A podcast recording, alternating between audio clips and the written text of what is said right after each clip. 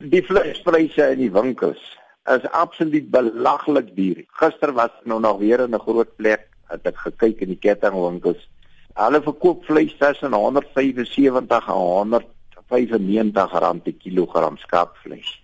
Ons kry nou vir lamvleis net 52 rand per kilogram. Die vleismark het heeltemal loop staan. Die skaapvleismark. So by so dat ons slagpale en van ons buurdorpe se het hierdie week nie eers oopgemaak nie. Hulle slag nie eers meer verder skaap nie.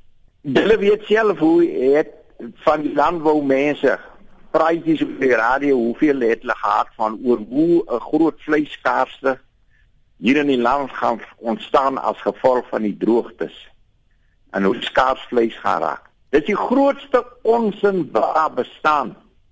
Ons sit met 'n helse oorskot aan slagskaap.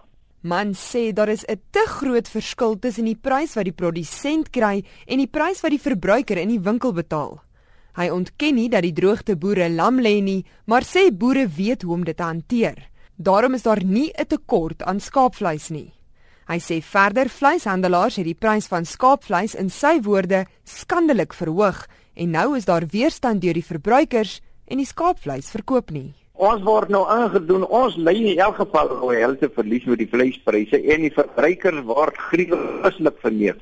Maar staan nie so in so 'n vleiskaarste wat ons aanbetref hier in aan ons omgewing, hierdie Karoo omgewing. Nou konfronteer jy daai ou in die winkel, ja, hoekom is al die vleis so rakkie en hoekom is dit so duur? Dan sê die hy mense vir jou, ja, maar dis as gevolg van die vleiskaarste van die droogte. Daar is iets so ietsie. Ons as produsente weet nie daarvan. Ons ondervind dit nie, maar ons sit met 'n produk wat ons nie verkoop kry nie. Die RPO se voorsitter in die Wes-Kaap, John Durr, sê hy verstaan boere se frustrasie wat skaapvleispryse betref, maar hy dink hulle sit die pot dalk in sekere opsigte mis. As ons vleispryse vergelyk, dan moet ons appels met appels vergelyk. So hy moet gaan kyk na waarvoor sy winkels die heel lam verkoop, want hy kry prys op 'n heel lam sonder BTW en die winkels verkoop dit met BTW. So hy moet sy prys van 52 BTW bytel en dan moet hy gaan na 'n winkel toe wat lammas ook verkoop, hier lammas wat BTW sal insluit en dan vergelyk hy daai. Want tussen sy heel lam en die winkelprys van die chops, vind daar 'n klomp aksies plaas en iemand moet dit doen en dit is hoekom jy hoe kan die 14% die BTW kry jy dan wat ons noem 'n markup en dit is die uitgawes van die winkel wat ook sy wins insluit.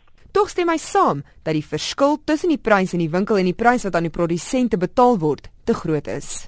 In die droogte wat nou gekom het nou die laaste 2 jaar, het daar nou tekorte ontstaan, veral hierso in Januarie en het die prys vir die produsent gestyg tot R66 plus BTW en dit met alles wat daar bykom, het die winkelprys opgestoot na rondom R85 toe wat vir ons 'n billike prys is in die winkel vir daai tyd met ons 66. Nou wat ons prys gesak met 20%. Ons kry nou rondom 52 tot 54 rand vir ons lammas.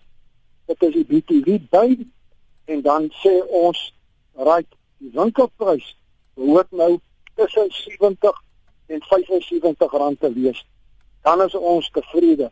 Der sê egter die pryse in die winkel het nie gedaal nie.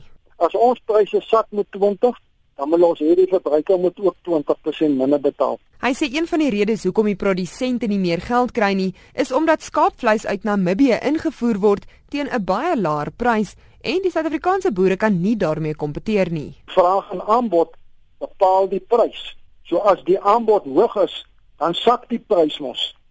En in hierdie geval is die aanbod normaal. So die prys moet ook normaal bly, maar die prys sak net. Waar die sense prys sak, maar die verbruiker se prys sak nie. En ons wil hê die verbruiker moet dit weet. En die verbruiker moet maar gesels met sy slaghuis en die verbruiker in so 'n groot winkelsentrum moet maar bietjie rondloop daai. Daar is nie op die oomblik 'n ooraanbod nie. Daar is 'n aanbod van laeprys lammers uit Namibië uit wat die hele prysstruktuur vir ons produsente aftrek. Der sê die verbruiker en die produsent is die wat swaar kry terwyl die middelman sy sakke stop. Ek is Henri Wondergem vir SABC nuus.